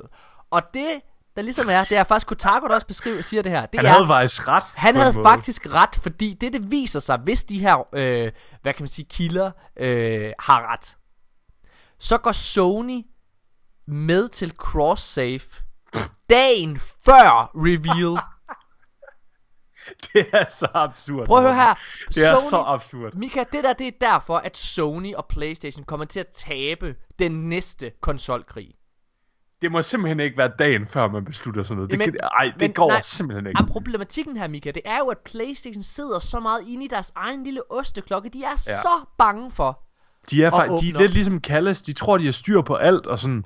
Ja. Om det hele det går, og, sådan, og så lige pludselig... Så, og Bungie skal komme og redde deres røv nu. Ja, Altså, altså det er, hvad hedder det, ja, altså de er, de er kejseren for Star Wars. Everything Ja. is going as I have foreseen. Power! Power! Og så, hvad hedder det, og så lige om lidt, så kommer, hvad hedder det, Phil Spencer simpelthen bare som Darth Vader og tager kejseren og kaster ham ned i, øh, hvad hedder det, øh, i afløbet. og vi ligger der som consumeren og Luke. Ah. Ja, du reddede os, far. Hvad hedder det? Altså prøv at, jeg, øh, jeg, jeg vil jo sige, jeg er jo fanget lidt i Playstation Land, for jeg sidder her ret kritisk over for det. Jeg synes, de træffer nogle forfærdelige beslutninger, og jeg synes, græsset er meget grønnere over på Xbox One. Øh, og endnu en gang vil jeg bare lige sige, vi skal ikke snakke om, øh, om E3, fordi Bungie var stort set ikke til stede. De havde ikke noget gameplay at vise eller sådan. De var, de var, de var med i et par inter- interviews, øh, som vi dog skal snakke lidt om. Hvad hedder det? Men, men prøv at Xbox, Microsoft og Phil Spencer, prøv at, de laver bare for fjerde år i træk det bedste show Altså af alle, der er til stede. Ikke bare af mellem Playstation og Xbox, for Playstation er der jo ikke i år. Men de laver det bedste show, og de laver bare det ene mic drop efter det andet. Hold kæft, hvor er de klar. Og de sidder ikke og gemmer alt muligt. Vi ved, at næste år kommer der en fucking ny øh, stor Xbox-maskine, der kommer en ny stor Playstation og alle mulige ting. I stedet for at gøre ligesom øh, som Playstation, ja, nej, det, det kan vi ikke udtale os om, så er Play, øh, Xbox, de er bare, yep, vi kalder det Project Scar, øh, Scarlet øh, indtil videre. Altså det er deres kodenavn for det. Øh, det rigtige navn er sådan nogle ting, der er ikke annonceret, men det kommer næste år i 2020. Ja. Og, og det virker bare så fedt. Den er fire gange så stærk som Xbox One. Fire gange så stærk som Xbox Ja, One, mine damer og herrer. Det er fucking sindssygt. Nå. Lad os øh, gå videre på en anden en. Bungie har som sagt været øh, til E3, og de har snakket lidt omkring øh, en masse ting. Ja. Øh, I øh, for, øh, diverse... snakkede om øh, fremtiden for Bungie og Destiny 2. Yep. Det var ligesom titlen på deres interview. Øh, og jamen, de har været med i mange interviews. Altså Okay. alle, alle de der Ja, Kotaku selvfølgelig. øh, okay, jeg tænker på det der med Geoff Knightley der. Åh, ja, ja, præcis. Det er rigtigt. Ja, men, de, er- men, men, blandt, vigtigt. men noget, de blandt andet har sagt øh, til, øh, til en af interviewene, det er, at de er meget, meget, meget interesseret i crossplay. Altså ikke cross-save, det som der kommer, men crossplay. Dog, så kommer det ikke til at være der i et stykke tid. Det kommer, altså, det som mange tolker det til, det er, at det kommer i 2020, med den store expansion for 2020 om, i, i september måned der. Øh, og det er jo spændende. Fordi crossplay, det er jo, det er jo, det bliver jo virkelig testet. Øh, vi snakkede om det i sidste episode, tror jeg. Øh, men det bliver Ja, vi virkelig, snakker om det der med Call of Duty. der kommer til at have Altså, crossplay i år. ja. I, i øh, hvad det hedder, Modern Warfare øh, udgivelsen, der kommer til oktober, der vil, øh, der vil det her være, øh, der vil crossplay være en del af det. Øh, og jeg synes, det virker super spændende. Det bliver den helt store test. Øh, men hvis det er en succes, så bliver det fucking nice. Mm. Ja. Okay, Shadowkeep kommer jo til at øh, have en masse, masse, masse fede ting, Mika. Øhm, Ja, og, det må man sige. Og vi har ikke, vi har ikke haft tid til sådan at dykke ned i den der viaduct der og sidde og kigge på, øh, hvad kan man sige, øh, ned til hver enkelt detalje. Men det har der heldigvis været en ma- masse andre på, på nettet, der har gjort for os. Så Heldigvis, så er der en eskapade af Reddit-brugere, der simpelthen ikke har andet at bruge deres tid på. vi, nu vil vi prøve at kigge på nogle af de her ting. Fordi det er altså hele den her Vidoc her. Og jeg tror, at nogle af dem behøver ikke nødvendigvis at have noget med Shadowkeep at gøre, som kommer til september. Til september. Jeg tror, at noget af det kunne også godt bare være øh, i Season of Opulence. Fordi mm. øh, det er simpelthen siddet med timestamps, og så er de siddet, og hver gang der er en lille nyhed af en eller anden art, så er de simpelthen skrevet ned, hvad det er. Og nu tager vi bare noget, vi stopper, når det... Okay, inden Mika, så vil jeg lige have det her, fordi det, det er faktisk, det er, Hold fast, du skifter hurtigt emne. Det er helt vildt. Jamen, det er fordi, jeg kan se... Jeg kan det- slet... Jeg, jeg kan så stå helt af der. Mika, det er fordi, jeg kan se, det står... Det var. Okay, så kører vi næste til. Mika, det er fordi, at jeg kan se, at, øh, hvad hedder det, at en af de her, at, at det står på en af de her noter her. Det er simpelthen, jeg sagde det også til dig. Hvorfor er der ikke nogen, der fucking har snakket om, at med Shadowkeep, så bliver alt Year One armor for D2 relevant igen? Ja, formentlig, ja. Ej, det er ret tydeligt. Al- Okay, altså... Ja. Okay, Morten. Så siger vi det. Er du I ikke hvert fald enig? en stor chunk af det. Ja. At nu kommer, prøv at, nu kommer Iron Banner gearet. Det kommer her Ja. på tirsdag, ikke? Altså, jeg tror, de gør noget af det samme, som de gør med Iron Banner. De kommer til at, at, la- at lave den der øh, model igen. Blandt, Så det er, ikke, det er ikke det gear, vi havde på i det, men det har samme design. altså, Det mening. Det, der er interessant, okay, men vi kommer til det. Nu, nu gennemgår vi bare den her lange liste af øh, små øh, ja. Ja. easter eggs og nyheder fra Out of Shadows øh, Vidocken. 17 sekunder inden, så kan man se et muligt Truth Ornament. Ja. Ja. 24 sekunder inden, så kan man se en Titan, der har Year 1 Crucible Gear på. Hvilket hinter på, at Year 1 Armor bliver bragt op til Armor 2.0. Som, I, som mm. jeg lige snakkede om lige før. Øhm, 36 sekunder inden, så ser man Possible Black Garden Armor, Raid Armor, spørgsmålstegn, can be seen on the monitor behind two guys. We can also see this at multiple times throughout the Vidoc. Det er fedt. 38 sekunder inden, så ser man development look at the Eris Morn Pulse Rifle, maybe a scout. You can see, uh, you can see it's a hive related weapon because of the hive uh, glyph. Next to the trigger. det er den dummeste kommentar. Ja, ja. You can see it's a hive-related weapon. Ja, det er dumt. Okay, næste. 46 sekunder inden. Øh, det er fuldstændig lige meget. Det er nogle nye Auto Rifles. ja. Men fe- 52 sekunder inden. Omnigul! Nightmare. Ja. Ja, som Nightmare eller Slash Phantasm. Eller Ja. Mika. Returning Strike. Ja. Og Altså man må sige, hvis de, det der med Nightmares, det er virkelig et spændende koncept, fordi det vil være en god måde at bringe rigtig mange fjender og områder tilbage fra D1. Ja. Hvis de ligesom var blevet repopulated. Øh, ja. Øh, men altså, der, er, der kommer en nyhed her senere i dag. Øh, vi skal snakke om omkring et returning strike. Så det kunne altså godt være, at Omnigul kommer tilbage i strike. Mm. Hvilket var, det var et fedt strike. Det var kæft, man jeg brugte. Ja, det, er, det er nok det strike, jeg har spillet allermest i D1. Fordi at da man øh, farmede efter Grasp of Malak. Ja, Nå. den kørte med mange 55 sekunder det- inden, så kan man se Nightmare Crota. 1 minut Ja. og 15 sekunder inden, så ser vi, at Monte Carlo Monte Carlo. Auto-riflen vender tilbage. Ja, der kommer den igen så med, at man kan se nogle, en Warlock og en Titan, der bruger Year 1 gear. Så du, du, du har nok ret. Det bliver nok Shadowkeep, der ligesom gør alt øh, Year 1 Destiny 2 armor relevant. 1 minut og 48 sekunder inden, så kan man se en Titan, der bruger Year 1 Iron Banner armor. Og en Heavy Bow. Mm. Bum. Øh, så kan man se Tanix, Tanix også som Nightmare slash Phantasm, som er en gammel strike boss fra D1 ja. også. Ej, der kommer virkelig mange øh, gamle. Yep. Øh, det næste man kan se, det er en ny Trace Rifle. Øh, som man kan se på ryggen af en Warlock. Øh, så kan man se Gaul som Nightmare slash Phantasm.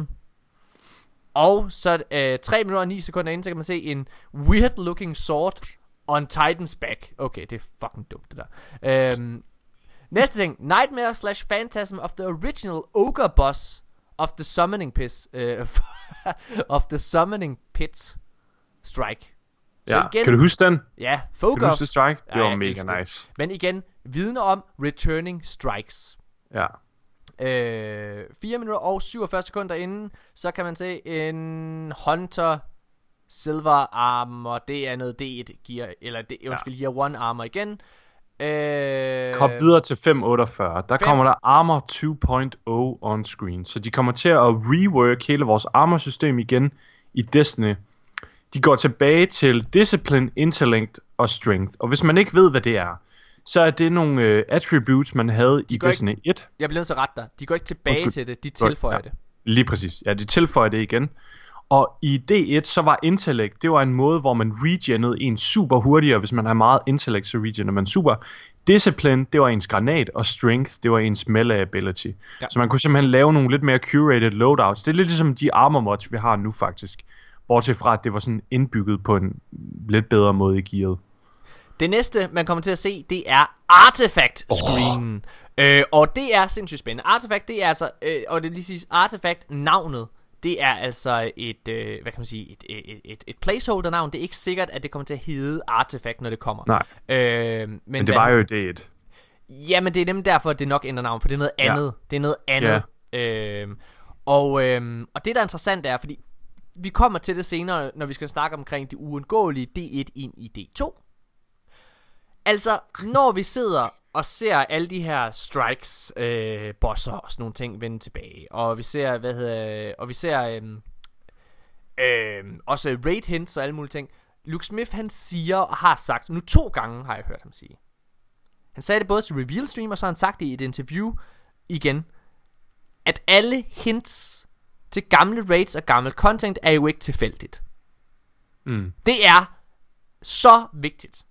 Fordi i det her artefakt, en ting er, at artefakt lyder mega spændende, og det kommer til at være seasonable, øh, eller seasonal, og alle mulige ting. Men det allermest spændende ved det, det er, at navnet på det her artefakt, det ja. Hedder The Gate Lord's Eye.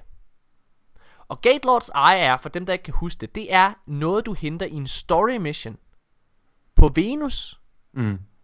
til Marasov dronningen. Ja. Altså, så, så det er jo der- endnu et hint til ja. story content fra D1. Mm. Ja. Det ville jo også være en god måde, altså, eller det er måske også en lille tease på Aldrin, fordi Aldrin havde også rigtig meget med det der Eye of a Gate Lord at gøre, kan jeg huske. Ja. Det var ligesom ham, der ville øh, lede os lidt i en fælde. Så kan du se, at, øh, hvad hedder det, artefaktet, det øh, er på et slot under Ghostet på vores character screen. Det er ret fedt. Det, det synes jeg kunne være nice. Øh, næste gang, så kan du se Skolas som et nightmare slash phantasm. Skolas, han var selvfølgelig skurken i House of Wolves, Mikas mm. yndlings øh, udgivelse til Destiny Bedste of udgivelse. all time. Ja. Øh, så kan du se nogle af de her, øh, hvad hedder det, finisher moves. Øh, det gider jeg ikke at snakke om. Øh, Nej, for Ja. vi ved ikke noget. Vi jeg ved synes, og, og jeg synes, det er underligt. ja. det, vi, jeg gider ikke starte den, Mika. Nej, Stop! det er overrated. Nej betyder nej. Så kan man se Sparrow og Ghost øh, now show up on character screen. Ja. Ja. Øhm, der er nogle nye exotics. Vi ser, at Elimination vender tilbage. Vi ser nogle gamle D1 Crucible maps begynder mm. at komme tilbage. Vi kan se Widow's Court, Twilight Gap og Exodus Blues øh, til, åbenbart. Så kan man se sådan en ny form for railgun-looking LMG på en Titan. Øhm, bum, bum, bum, bum. Man kan se ja. Black Garden Raid Section starts. Ja. I couldn't find Altså- any details of uh, or weapons I uh, hadn't mentioned before, but maybe you could, except a taking looking Medusa. Uh, okay. Altså, Black Garden ligger jo i forlængelse af det gamle Mars. Jeg Ja. ved ikke, om du kan huske men Jo, det er jo. jo ligesom, man går ned den der, den der øh, toggang der, og så smadrer man en væg, og så løber man ind i The Black Garden. Ja. Øh, Som- så ser man igen Monte Carlo. Bum, bum, bum, bum. Så øh, 1338, Morten, Ja. synes jeg lige er lidt spændende. Bad der står der, Juju vender til Ja. fucking bag. og der er jo allerede, øh, faktisk her for Season of Opulence, blevet data mined Bad Juju Catalyst. Yep. Vi snakkede om det for to episoder Ja, siden faktisk. Lige præcis. Øh, så ser man Altså, sådan nogle, det kunne blive meget spændende, om den kommer allerede her Season of Opulence. så ser man nogle phantom fjender, der svæver rundt omkring Crota. Og så til allersidst, så ser man en Drake tank på månen. Altså så kommer der til at være Drake tanks på månen, som du også kan køre rundt i. Mm. I hvert fald i en mission, som minimum. Ja, Og det er, Det er alle, nice. øhm, det er alle, hvad kan man sige, øh, de der små hints der. Det var en lang en, Mika. Lad os holde en pause. ja, Fedt. skal det. Someone must have found another forge. This civics attempts to steal what we hold dear. This abomination deserves to be broken. I will not rest until this forge is recovered. Civics must not learn our secrets.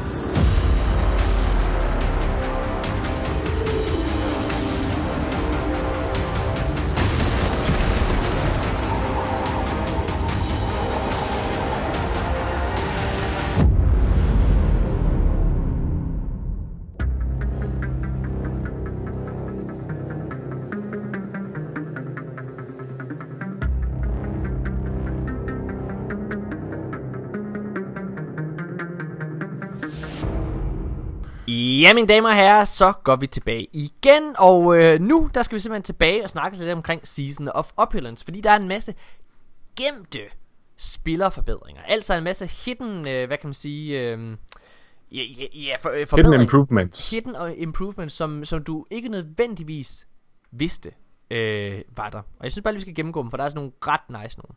Øh, blandt andet, så øh, Mika har allerede snakket omkring det her med, at Iron Banner Gear nu kan øh, rolle med enhanced perks. Øh, Destiny 2's Glass Modifier is no more. den var så lort. Hvad, hvad er det for noget? Det ved jeg slet ikke, hvad. Det er, så vidt jeg husker, åh oh nej, nu bliver jeg lige sat on the spot, men så Ja. vidt jeg husker, så er det den der med, at man har mindre liv, men, den re- men man regener hurtigere. Ah, okay. Så du bliver bare mega hurtigt dræbt, fordi. Weekly strike milestones no longer require elemental class matching. Det her det er en af de bedste ja. ting, prøv at. Det synes jeg godt. Prøv at, i gamle dage, du ved, hvis du skulle lave den der weekly, øh, hvad kan man sige, øh, milestone, hvor du laver strikes, øh, så skulle du ind og kigge. Ja. på, hvad din, hvis du var inde med randoms, eller var inde med, øh, med andre, så skulle du ind og dobbelttjekke, at du havde det samme som dine teammates, for ja. at komme videre i den der.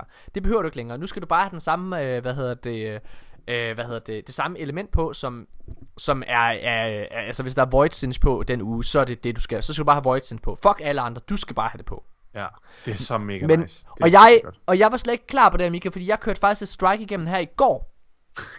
Og så undrede mig over, hvorfor det ikke havde talt. Fordi jeg havde været inde og tjekke, at min makker han havde solar på, så tog jeg også bare lige solar på. Og Ja. så er det fordi, at det var Arcsinch, og, og så var og læse, ah, nice, mega fedt. Så, Ah, fedt. okay, nå.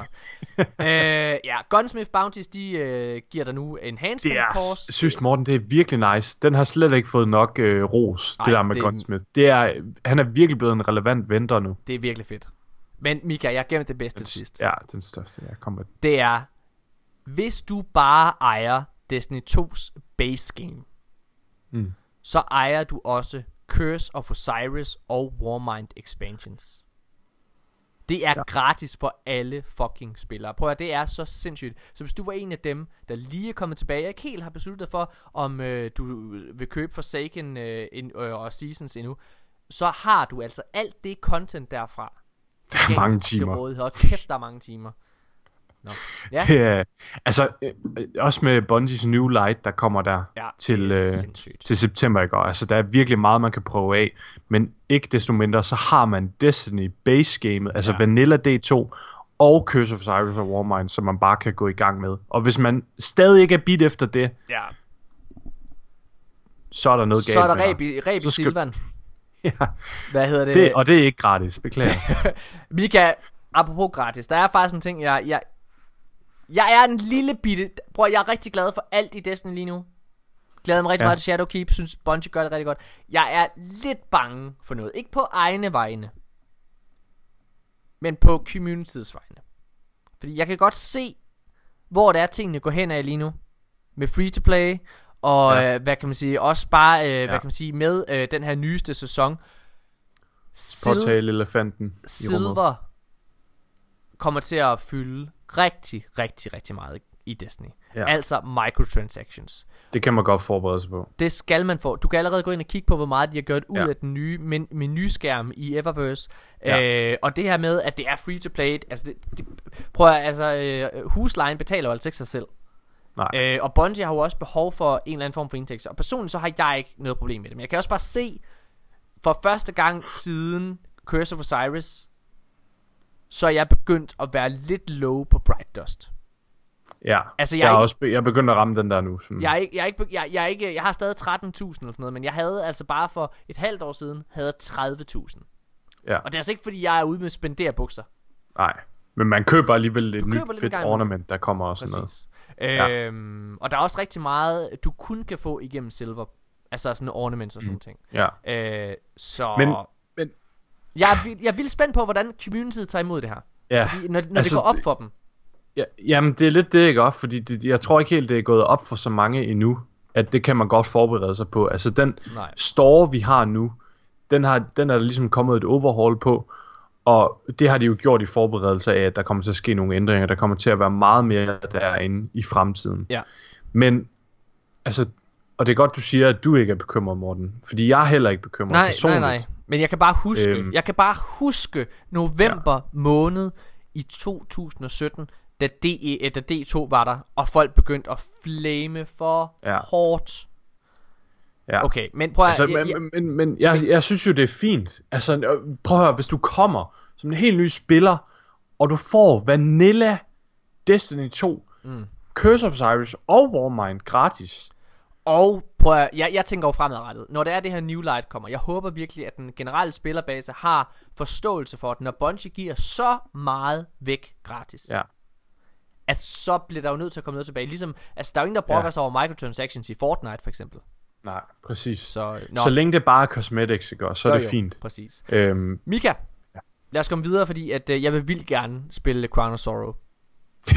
Så øh, hvad hedder det? Mika, der er simpelthen blevet fundet et nyt område. Og det her, det er altså et område, der er på IO. Det er, øh, det er et... Åh, ja, jamen, altså hvad kan man kalde det? Det er et work in progress. Man kan se, når man er dernede, at, at, at det ikke er færdigt. Altså der er sådan ja. Nogle placeholder steder til fjender, for eksempel, hvor de er sådan røde. Du kan ikke gøre noget, men du kan være derinde. Så det er et sted, der kommer. Øh, og i den første artikel, jeg fandt, så øh, var der nogen, der sådan spekulerede i, hey, kan det her være en øh, hidden exotic quest, bla bla bla bla. Men. Ja. Mika, så fandt jeg en anden artikel. Øh, faktisk er det en artikel på Reddit. ah, ja. Og det viser sig faktisk, at det her Aha. på IO, Ej, jeg er inde på billedet nu. Ej, hvor sjovt. det er simpelthen det gamle strike fra D1, der hed Nexus Mind, What? som kommer ind. Det er simpelthen... Ja, og det er det. Det må det være. Det, det, er, det er det. Der, du kan se billederne herfra. Du ja. Sammenligningsbilleder, det er det er det strike. Det er Sekrion, du skal til Ja. at slås mod. Øh, Jeg skal nok lige smide billederne op til det her, som jeg selv ikke kan tænke Det skal Ja, jeg nok lige få gjort. ja, ja, præcis. Øh, der er nogen, der sidder og spekulerer i, hey, kan det være øh, i stedet for Sekrion, at det måske Curia? Det tror jeg ikke, det er. Jeg tror, det Ja. er Sekrion. Øh, men prøv nu at høre her, Ej, hvor nice. homie. D1 i D2. In Og- all its glory. Og det var, øh, det var ikke øh, helt... Øh, det var ikke helt for sjov, at, øh, at det var den her nyhed, vi lige har snakket om. Fordi, Mika, nu skal vi ind og snakke omkring det i de to. Vi er snart der. Dig Nikolaj har hver især sagt, at hvis jeg havde ret i det her, så ville jeg få den ultimative hånret og mic drop of all time. Men det er ikke sket endnu, Morten. Det, Det er meget tæt på at ske. det er der- meget tæt på at ske. Det der er, det er, at Bungie har simpelthen været ude og sige, udover, øh, hvad kan man sige, øh, udover at det selvfølgelig er månen, vi skal tilbage på her, altså en D1 location. Det, det i sig selv behøver, behøver ikke at betyde noget, fordi at Mars fik vi også tilbage i D2, uden at det var de gamle områder. Men Bungie har faktisk i et interview til Kotaku med Jason Schreier, hør den podcast, der siger han simpelthen, de, de kommer til ligesom at sige, fordi at at de er blevet spurgt mange gange, kommer D1 ind i D2, og de hver gang, de bliver spurgt om det, der er mange i vores chat, der har sådan sagt, hey, hey, det har de aldrig sagt, Morten. De siger nej til det, det kommer ikke ind, der er ikke nogen, de har, De siger de, nej til en remaster af D1. de snakker udenom. Hvis du mm. lytter til, hvad de siger, så begynder de at snakke udenom, og de begynder med det samme at sige, ah, men munden har jo altid været vores yndlingslocation for, for det et. Prøv at men i det her interview med Kotaku, så kommer Luke Smith altså til at åbne lidt op. Fordi han kommer til at snakke om, at månen her er, for det første, det er, det, det er månen, som vi husker den fra D1 men det er månen med meget mere Med. til. De bruger, ja. øh, de bruger noget, en af deres, øh, de ting, de synes var allerfedest i noget af det allerførste, de to lavede sammen, Taken King. Det var, at i Taken King, så var der en story mission, som foregik i de samme, foregik i de samme omgivelser, som øh, et strike, du havde klaret fra Vanilla D1. Øhm, Sepix Prime Striket. Oh, ja, Og så kommer du selvfølgelig, ind, så, kom, så snakker de om, at de synes, det var mega fedt, at når du gik ind i det her område, hvor du havde haft den her bosskamp, Mm, ja. så lå Sepix Prime død på jorden. Og så det her, der lå ude i baggrunden, hvor du hele tiden havde set, du havde altid været der, men du har aldrig kunne gå derhen før. Der kunne du lige pludselig gå hen. Ja. Mm. Døren var åben. Døren var åben, du løb derover, og så var du inde i et helt nyt område. Hele den filosofi, det var det, de gerne ville. Og de gjorde det jo faktisk også, hvad hedder det, i... Øh, hvad hedder det, i Rise of Iron med Plaguelands, hvor du Ja. var over i nogle nye omgivelser der også, og så videre der. Mm. Hele det der, det synes de var sindssygt fedt. Og det, Og, det, det, de, og vi responderede godt på det som community. og det er det, de gerne vil gøre med månen. Så hele månen, som vi husker det, er tilgængelig. Men der er altså et helt nyt område. Nye områder, vi aldrig kunne gå hen, kunne gå hen før. Som ja. Ja. er åbne. Det bliver så fedt. Jeg, altså, jeg glæder mig virkelig til at opleve månen. Også med alt det, de har lært i Destiny 2 fra lokationer. Ja. Altså bare kig på Mars ikke? Og, og Dreaming City. Hvor avancerede de er mm. som lokationer kontra månen i D1. Fordi månen... Og nu kæft, Bungie. Det var ikke jeres yndlingslokation D1. Månen var pissekedelig i D1. Ja. Ja. Men jeg vil godt ved med, Men- at den bliver mega fed her. Men Mika, vi er slet ikke færdige, fordi ja, det er jo så det, de sidder og siger omkring, øh, hvad kan man sige, at, øh, at, at månen, det er den, vi husker det og så videre der. Men det, de så siger, det er, det er faktisk det, de vil gøre med andre locations også. Og det er det, de specifikt siger med de andre, ja. med de andre locations. Så det her, det er altså, øh, og Jason Schreier her, han kommer selv også med, øh, hvad kan man sige, med, med konklusionen, der hedder, det her det er jo en genial måde at få en masse content ind hurtigt, fordi du har skabelonen til det. Du skal ikke ud og skabe det fra scratch, du skal ikke ud og skabe et univers, og hvad kan man sige, lave en masse, hvad hedder det, artforms videre. Du har så meget allerede fra starten af. Mm. Øh, så det her, det er altså, øh, hvad hedder det, det er den måde, at du får gamle patrol zones, og nu læser jeg højt her fra hans artikel. Ja. Øh, hvad hedder det? øh, Hvad hedder merging all of the old zones, missions, strikes, raids, etc. Øhm, ja. And yet that doesn't mean World of Destiny, som han kalder det, i stedet for World of Warcraft, aren't go, going to arrive all the same. Øhm, altså, det kommer ikke til at være på samme tid, det her, det Nej. sker. Lige kommer- præcis. det- Det, det, det- kommer til at være det- løbende. Og det må vi jo så finde ud af, hvad det er. Det er jo også det, jeg, det, er jo også det, jeg og vi har sagt, at hvis det kommer, så Ja. sker det over noget tid. Jeg havde jo sagt, at det ville komme med annual pass. Det tror jeg stadigvæk er tilfældet. Øh, jeg tror, jeg tror, at Bungie ville få rigtig, rigtig mange smæk, hvis det var, at næste år til næste år September expansion, at det så bare var, lad os sige, Cosmodrome, der kom på samme måde. Ja, det ville være lidt kedeligt. Så det, det vil de få mega Der, har- der har de brug for at komme med, med en eller anden ny planet eller sådan noget. Lige præcis. Altså, øh, der var også øh, i det der interview der med Jeff Knightley, der, der blev de også spurgt sådan, hvor, hvad, hvad er det, I laver med månen og sådan noget. Og der siger Luke, at øh, de synes, at det vil være en mega interessant måde at gøre brug af alt det content, vi har fra Destiny 1. Han siger i hvert fald noget af den der dur. Og, og han siger, at det er, det er sådan, som det ser ud lige nu, og vi, vi synes, det koncept det er ret fedt, så måske vi kunne arbejde lidt videre med det koncept, Ja. blandt andet med nogle andre steder og så Ja. videre. Øhm, og det, altså, det er bare, det er så meget, de kan sige, uden at sige for meget. De har jo total mundkur på. Prøv hvis du kigger tilbage, altså øh, hvilken som helst expansion, der er på vej, ikke også, når de har lavet de her presseture og så videre. Altså, der har jo altid været mundkur på. Der har altid ja. været totalt stille fra deres side af, og de har snakket, og der er en masse ting, som så har vist sig at være en del af den pågældende expansion, som de, som de ellers har sagt nej til. Lige nu, så har de selvfølgelig, de prøver at holde alt hemmeligt. De prøver at være totalt tys-tys.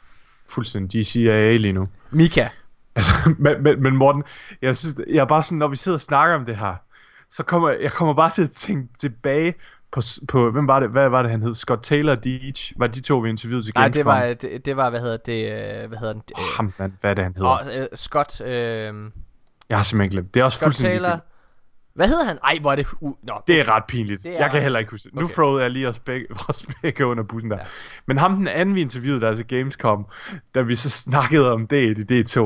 Og han bare... Steve Cotton, Steve Cotton. Steve Cotton, ja, der var den. Tak. Og Steve Cotton, han bare...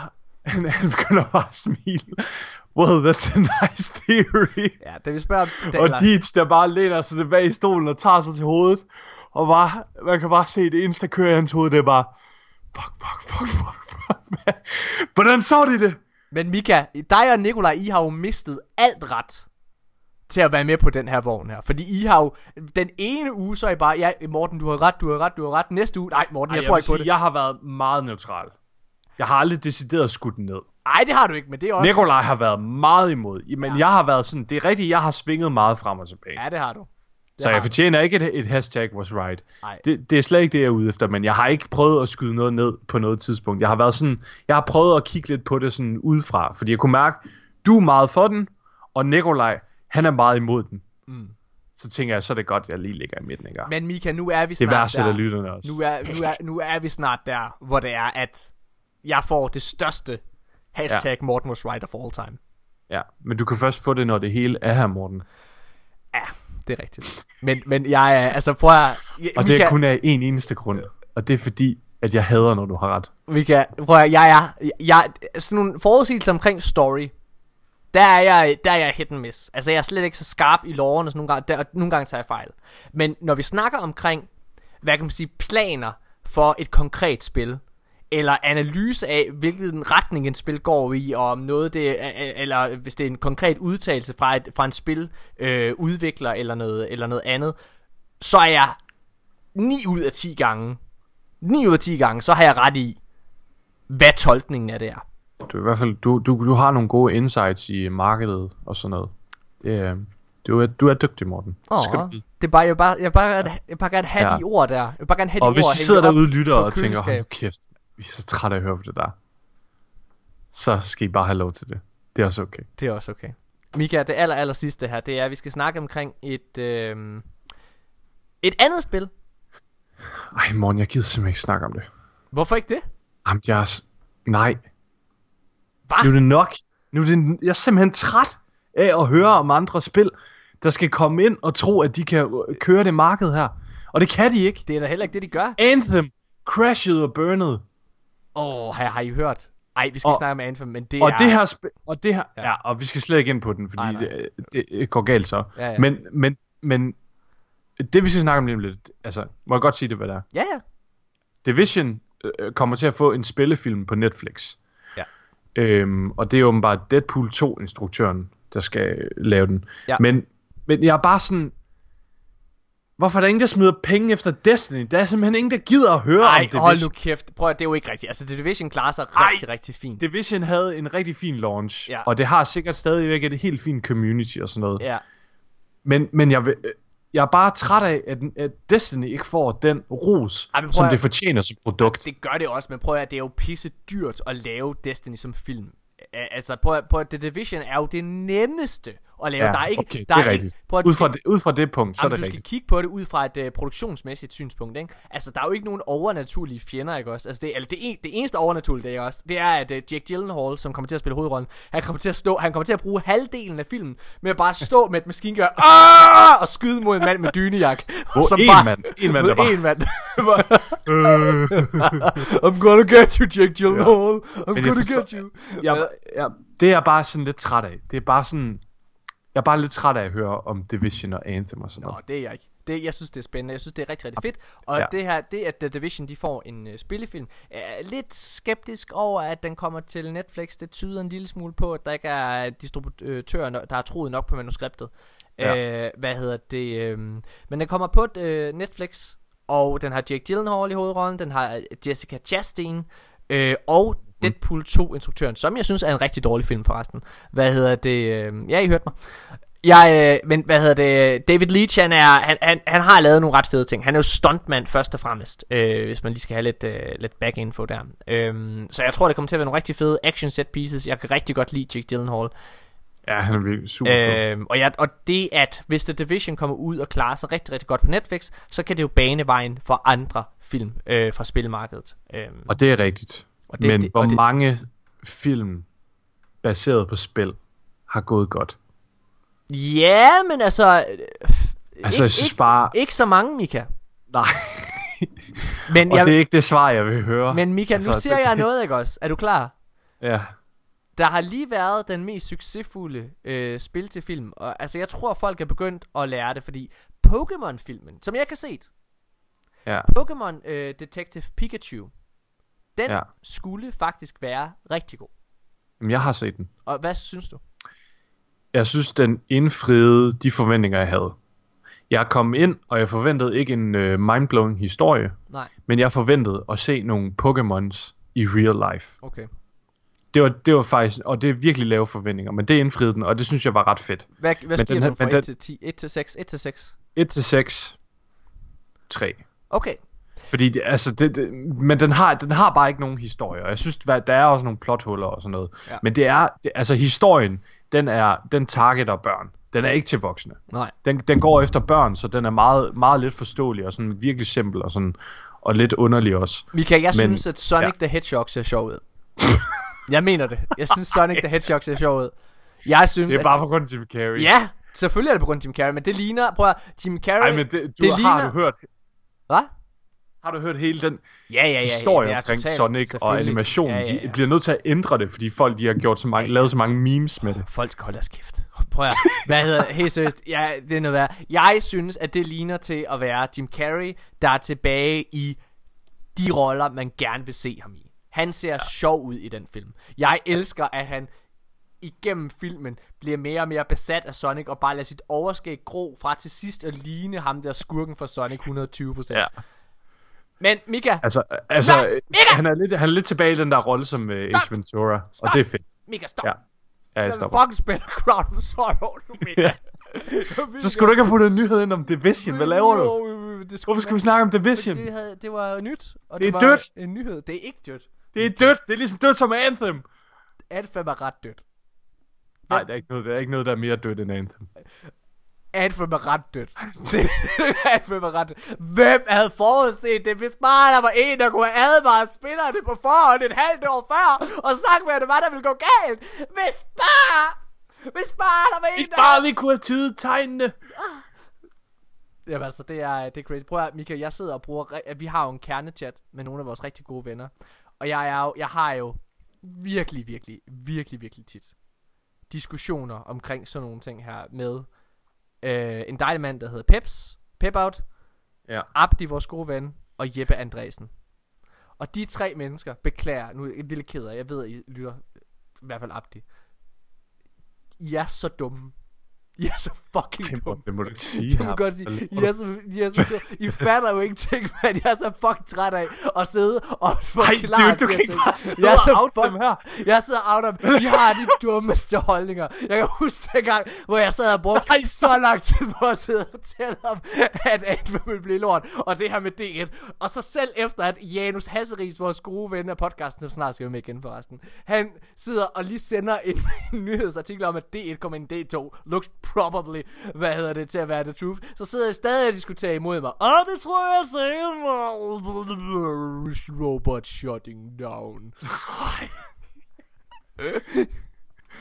Jeg elsker dem. Prøv at I ved alle, både Pep, ja. Ja. Peps, Jeppe og ja, Jeg er Abdi bare ikke sikker på, at alle lytterne... Jamen nu siger jeg det så. Prøv at jeg elsker ja. Ja. de tre drenge. Jeg elsker også. Ja. Ja. Jeg, hvis der er noget, Mika... Hvis Prøv vi har været venner i fire år. Jeg må altså, godt det sige, er det er- virkelig som ægte venner. Ab Abdi og øh, Peps og Jeppe, de er helt seriøst, de er nogle af mine bedste venner i Destiny. Altså det er, jeg snakker, elsker at snakke med dem. Hvad hedder det, så jeg kan godt sige, at de er nogle fucking idioter, uden at de bliver helt vildt kede af det. Hvad hedder det, øh, men, men øh, vi kan, jeg brænder broerne, nu er vi ikke flere venner på Playstation. I morgen, når podcasten udkommer, så kan vi bare se ind i chatten. Peter forlod. Jeppe forlod. Abdi forlod. Nej, Abdi, du må ikke gå! Hvad hedder det, jeg, øh, Mika, du ved, jeg elsker at diskutere. Så selv folk, altså det var, jeg, og jeg omgiver mig mest med mennesker, jeg er uenig med, faktisk. Eller, ja. Som, eller som er uenige med mig. Enten folk, der er virkelig uenige, eller folk, der bare er helt enige. G.G. Horsens er jo blevet, min serie er jo blevet skrevet i samarbejde med Mads Rosenkrantz Grave. Og Mads Rosenkrantz, han har lavet Yes No Maybe og Klappat og sådan nogle ting. Han har en helt anden humor end mig. Han hader alt, der er karikeret og over the top. Mika, min humor er meget karikeret og over the top. Ja, det må man sige. Så vi har jo brugt det meste af vores tid på at sidde og diskutere omkring manuskripterne, og han har sådan siddet og sagt, Morten, man, det er jo en fucking lort idé, man, det er jo ikke sjovt, det kommer aldrig til at fungere, man. Hvad hedder det? Hvor det og, og det der med, at du bliver udfordret på dine holdninger, det gør jo, at du tør, du står fast på, altså, hvis du står fast på noget, så er det fordi, hvor du står fast. Ja. du er lige præcis. Du tror, så er det fordi, du virkelig tror på det. Nå, Mika, vi skal indspille Crown Sorrow. Tusind tak, fordi I lyttede med. Jeg Guardians håber, I kunne holde til Mortens niveau, fordi jeg synes Wow! lige her de 20 minutter, der skulle jeg godt nok lige hænge i. Du har sgu da været fucking vild, Mika. Du har siddet der, fuck Anthem, man, fuck The Division, jeg gider ikke snakke om noget andet. Nej, og det jeg er også træt af at høre på det. Du Men det er fuck- fordi, du hiver mig op i dit gear der. Woo! Mine damer og